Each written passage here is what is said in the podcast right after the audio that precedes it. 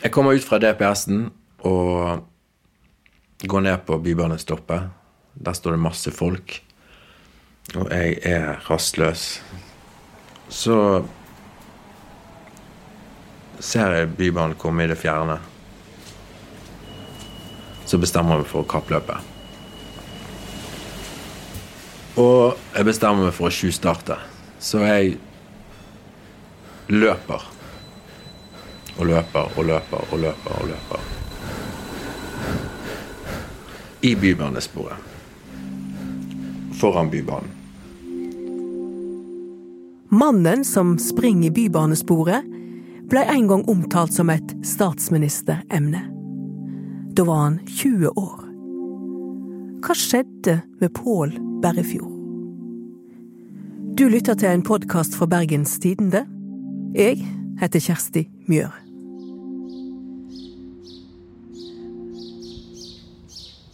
Hallo.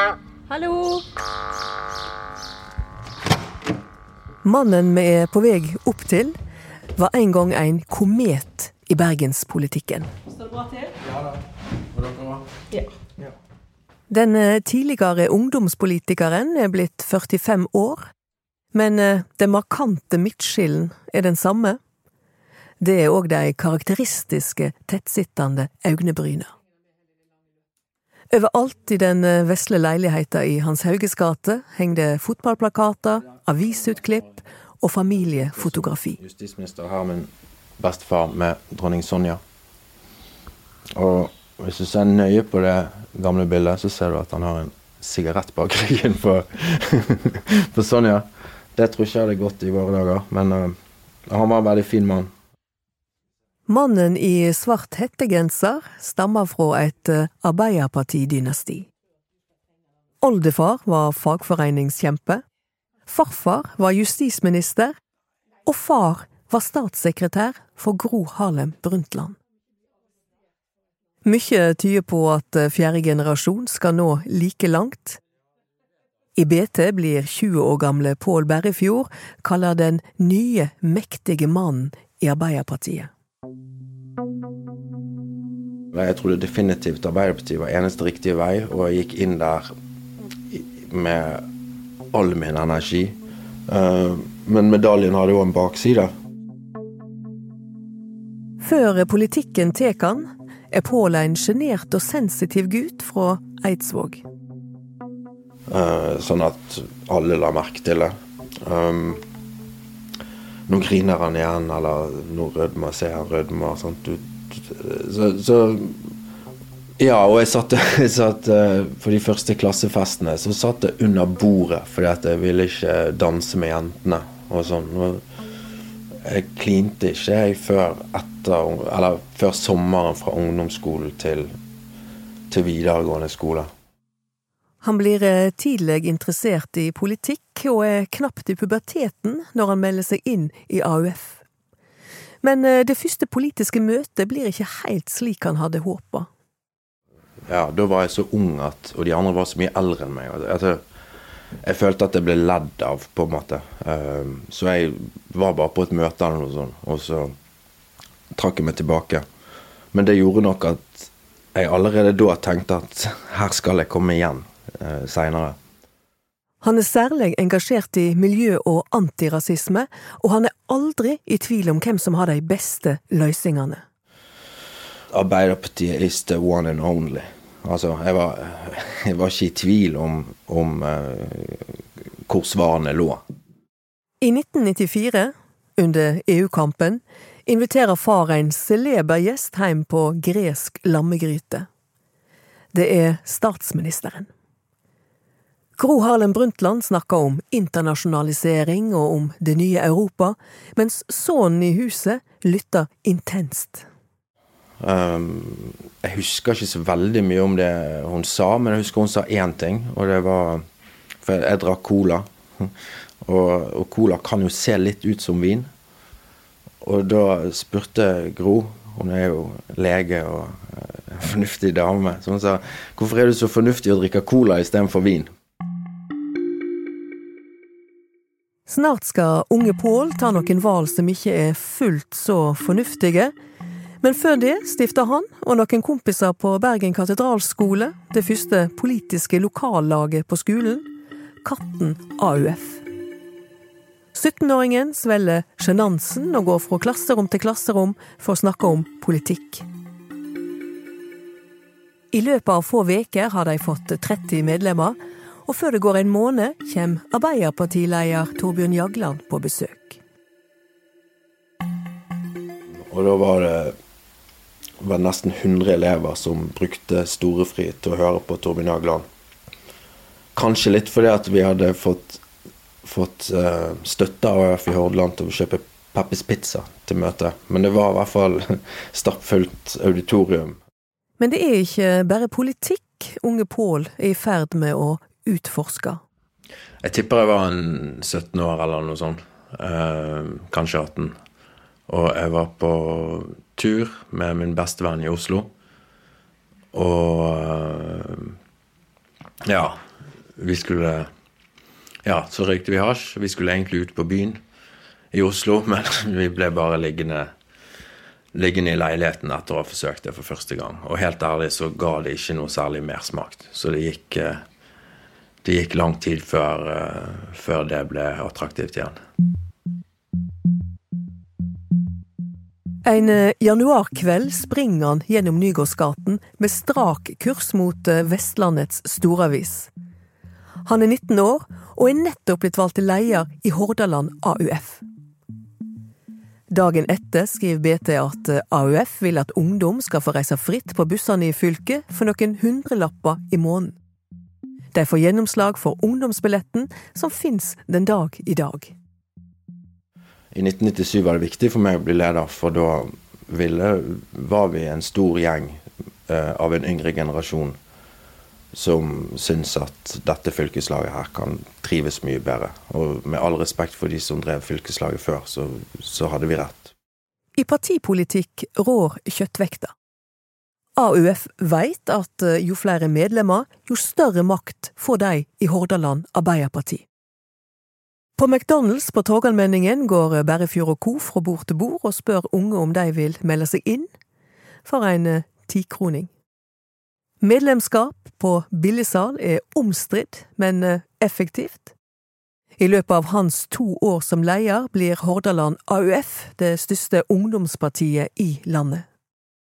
Det var fint å være mange, og det var fint å bli størst. Sant? For første gang i historien så ble Hordaland størst i landet, og større enn Sør-Trøndelag. Spesielt var stas. Eh, med Trond Giske og den gjengen. Så, så, det var fint å være størst, men vi var samtidig hele tiden i en slags krig. Vi, hadde, vi, vi, var, vi var, størst på én måte, men på en annen måte så var vi hele tiden underdogs. Fordi at vi hadde folk imot mot oss, både, både i uh, eh, AUF sentralt, men nå i Hordaland Arbeiderparti. Men det at det var krig på alle fronter. Hadde det noe med din uh, stil å gjøre? Ja, helt sikkert hadde det med, mye med min stil å gjøre. Vi ville opp og fram både med saker og personer. Uh, og vi mente vi hadde mange flinke folk, og det, det, hadde vi. Og vi hadde mange viktige saker, og vi, vi kjempet for dem hele veien ut. Vi, vi ga oss ikke. Men hvem var du i det miljøet? Var du en slags eh, popstjerne? Nei. Ikke Nei, jeg var øh... Du var jo hærfører, iallfall? Ja, det var vel. Jeg, ja, men jeg hadde mange med meg.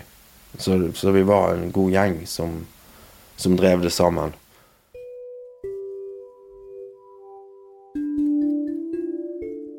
Samtidig er et uh, annet stort prosjekt på gang i Pål Berrefjords liv.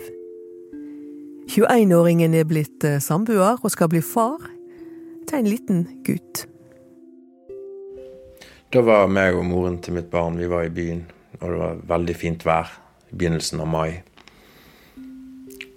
Og så, eh, så begynte hun å kjenne på ting, og vi kom oss til sykehuset, og ja Utpå ettermiddagen så var han født, og, og ja, det var selvfølgelig en svær opplevelse og en sterk opplevelse og alt sånn. Og så på toppen av det hele så vant vi 10 000 kroner i tipping den dagen.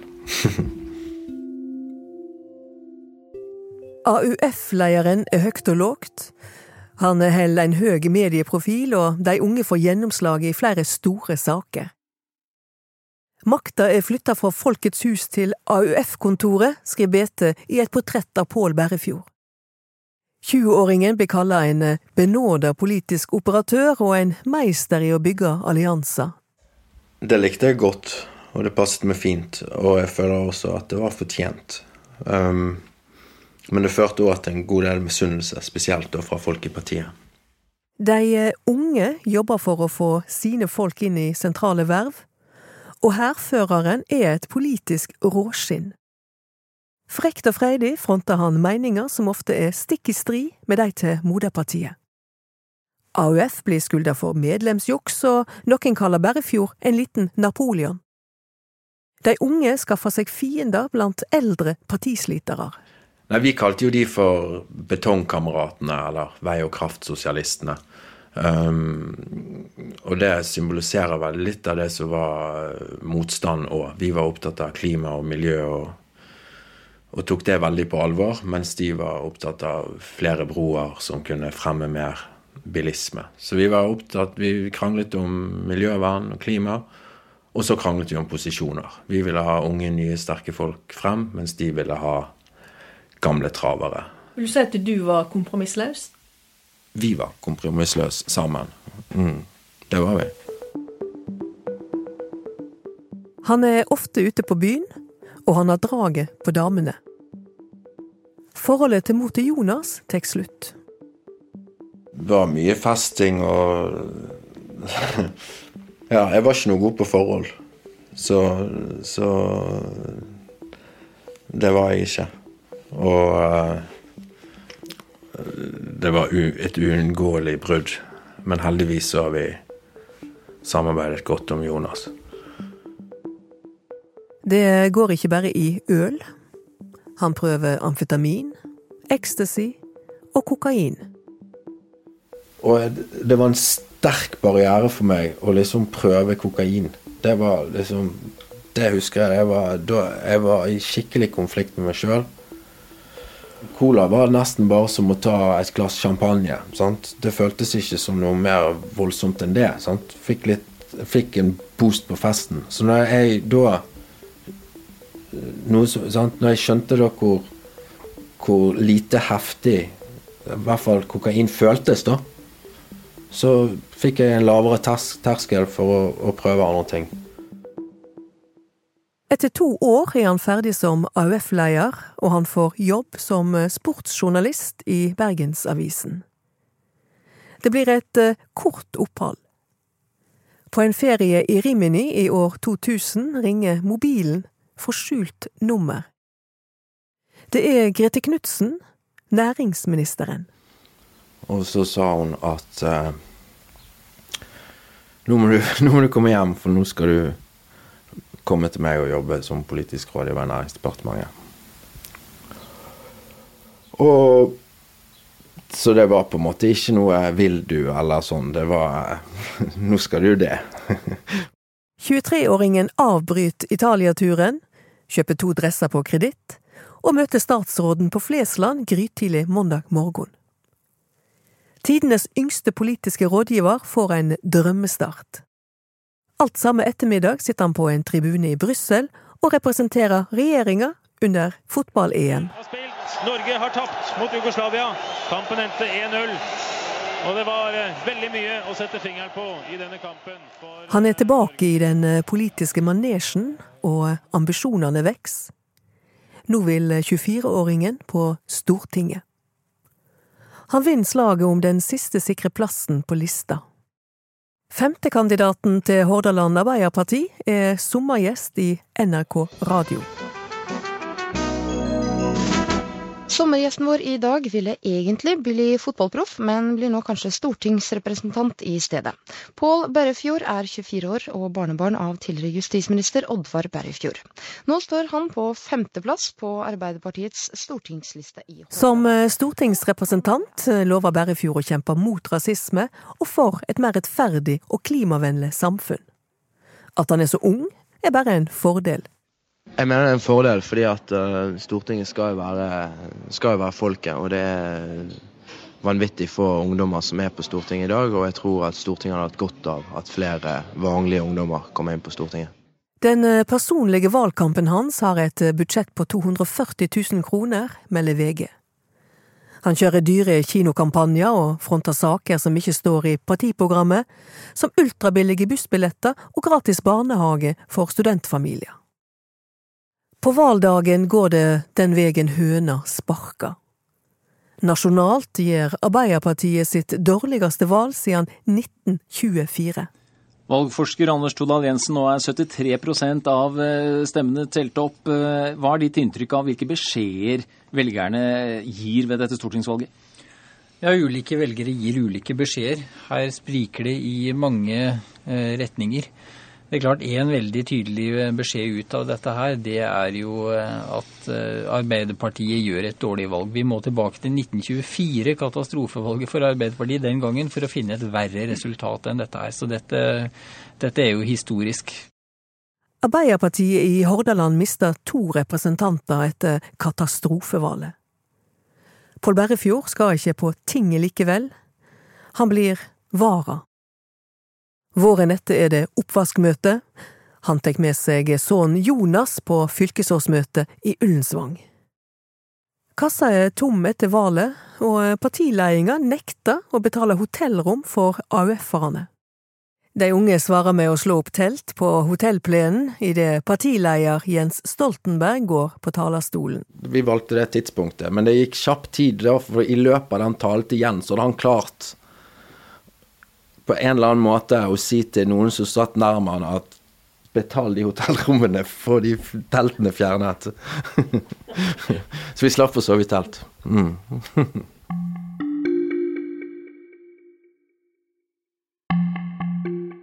Himmelen er våt og fjorden svart når en mørk Honda kjører til ferja i Kinsarvik. Pål Berrefjord og Jonas har fått skyss med Grete Knutsen. Hun er blitt stortingspensjonist, han er på vei ut av politikken. Det er også mange andre unge etter helga i Hardanger. Møtet utvikler seg til et generasjonsoppgjør med harde fronter og bitre skuldinger, og det markerer starten på det som seinere er blitt omtalt som mange års ørkenvandring for Arbeiderpartiet i Hordaland. Nesten en hel generasjon av unge politikere forsvinner ut. I passasjersetet kikker Pål Bærefjord ut på fjorden og er glad til. Jeg husker at, at det egentlig var lettet. Jeg husker at OK, nå er vi ferdig med dette. Nå er vi liksom Jeg var, jeg var, ikke, jeg var ikke fornøyd, jeg var ikke misfornøyd. Jeg var, ikke, jeg var bare lettet over at OK, nå har vi sagt fra hva vi mente, for det gjorde vi. Um, og, og sånn. Så jeg følte på turen hjem, så, så da var jeg ferdig uh, med Arbeiderpartiet. Han heller fram med å ruse seg. Han bruker hasj for å roe seg ned, og amfetamin for å gire seg opp. Ja, et, jeg, jeg, vet ikke hvor mange gram eller sånn jeg tok, men jeg brukte det relativt hyppig, da for å, for å, Ikke for å gå ut og feste på det, eller sånne type ting, men for at det ga meg mer arbeidskraft, og jeg var ivrig og, og sånne type ting. Du hadde jo veldig mye energi fra før, går jeg ut ifra? Ja, og det er noe Ja, så det, det, det, det er ikke en god idé at jeg tar amfetamin.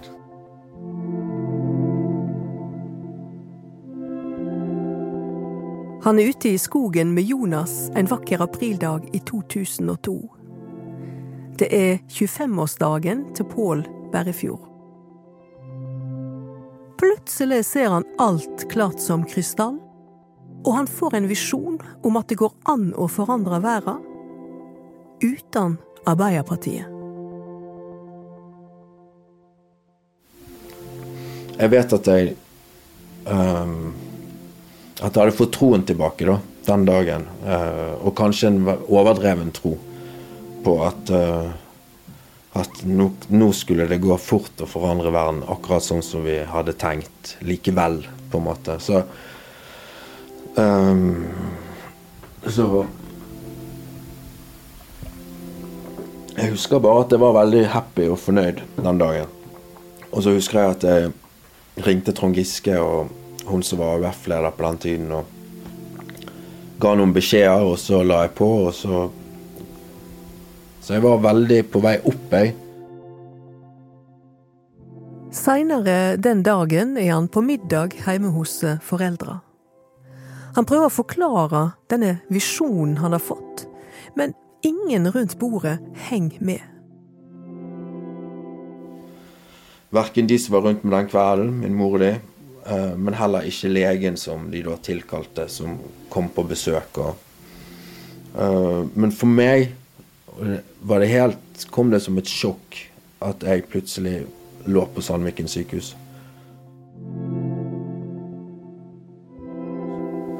Og, eh, og, det ble en traumatisk opplevelse.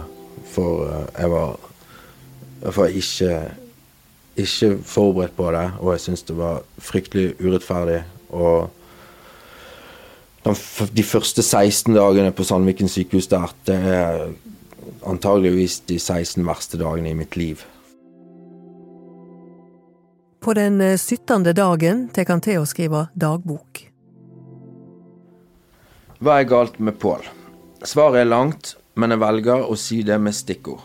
Pål er for dominerende, for kontrollerende, for lite oppriktig interessert i andres kunnskaper. Pål har for høyt selvbilde, og han tar ikke godt nok vare på sin egen helse. Og han har tannlegeskrekk. Og Pål går på livets skole, og den mest brutale, med strek under, læretiden går jeg nå på Sandviken sykehus. Han eh, kommer seg på beina igjen, og i 2004 må varaen møte på Stortinget i en periode. Nei, når du kommer inn på Stortinget sånn, så, så, så, så du, blir du jo stilt i en komité, og stort sett så møtte jeg i næringskomiteen. Um, uh, så, så når jeg var på Stortinget, så var jeg inne og gjorde jobben som jeg måtte gjøre. Etter Stortinget jobber han mellom annet for aksjonen som vil korte ned reisetida på Bergensbanen til fire timer.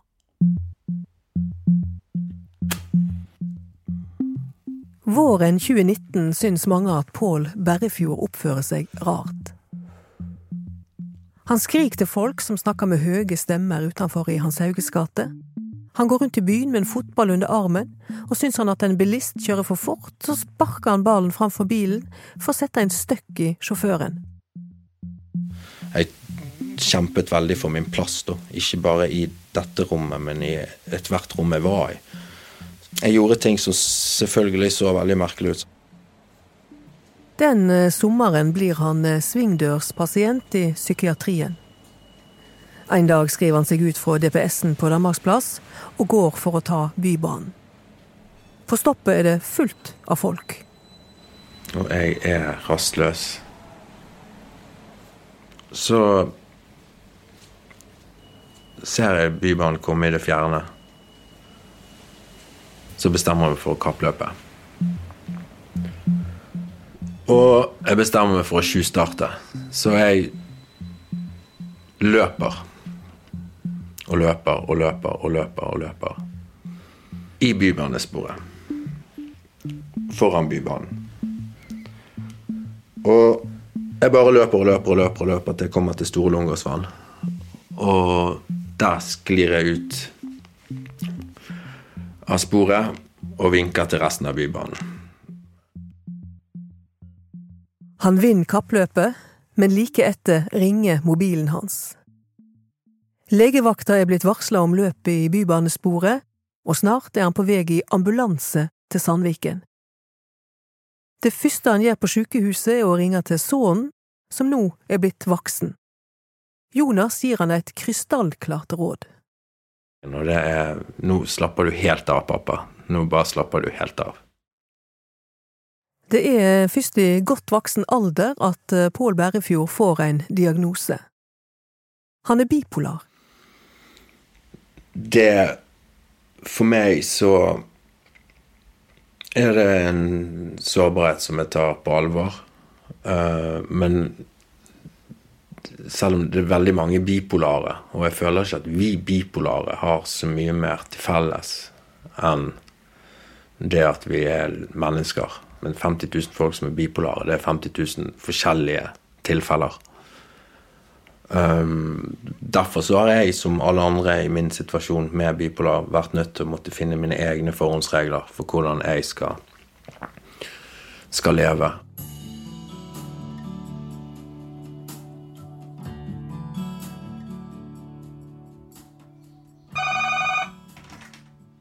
Jonas eh, kommer på besøk. Hallo? Hei, kom inn, du. Den eh, høye, blonde sønnen har fremdeles eh, sitt eget rom hos pappa. Han krysser fingre for at han slipper flere opphold på psykiatrisk sykehus, og han gjør hva han kan for å unngå at det skjer. 45-åringen prøver å leve disiplinert med frisk luft og faste måltid, uten rus eller andre stimuli. Han har ikke engang smarttelefon. Han bruker mye av tida si på å skrive og lage musikk, han har gitt ut en liten sjølbiografi, og han jobber med et musikkprosjekt han kaller Pombandi.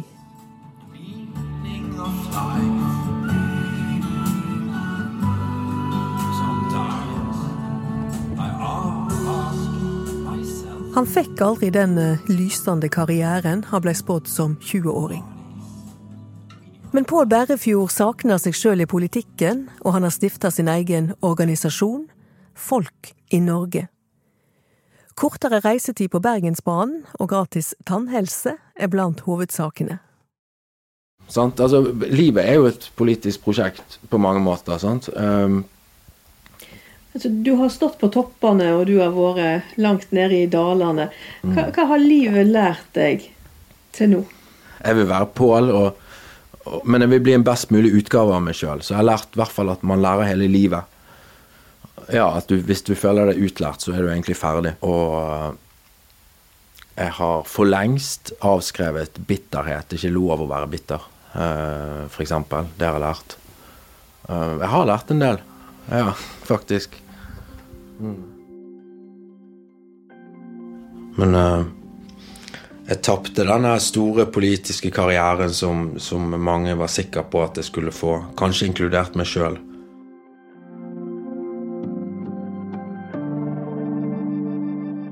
Denne podkasten fra Bergens Tidende er laga av Tonje Aursland og Kjersti Mjør. Flere episoder finner du på bt.no eller Podme.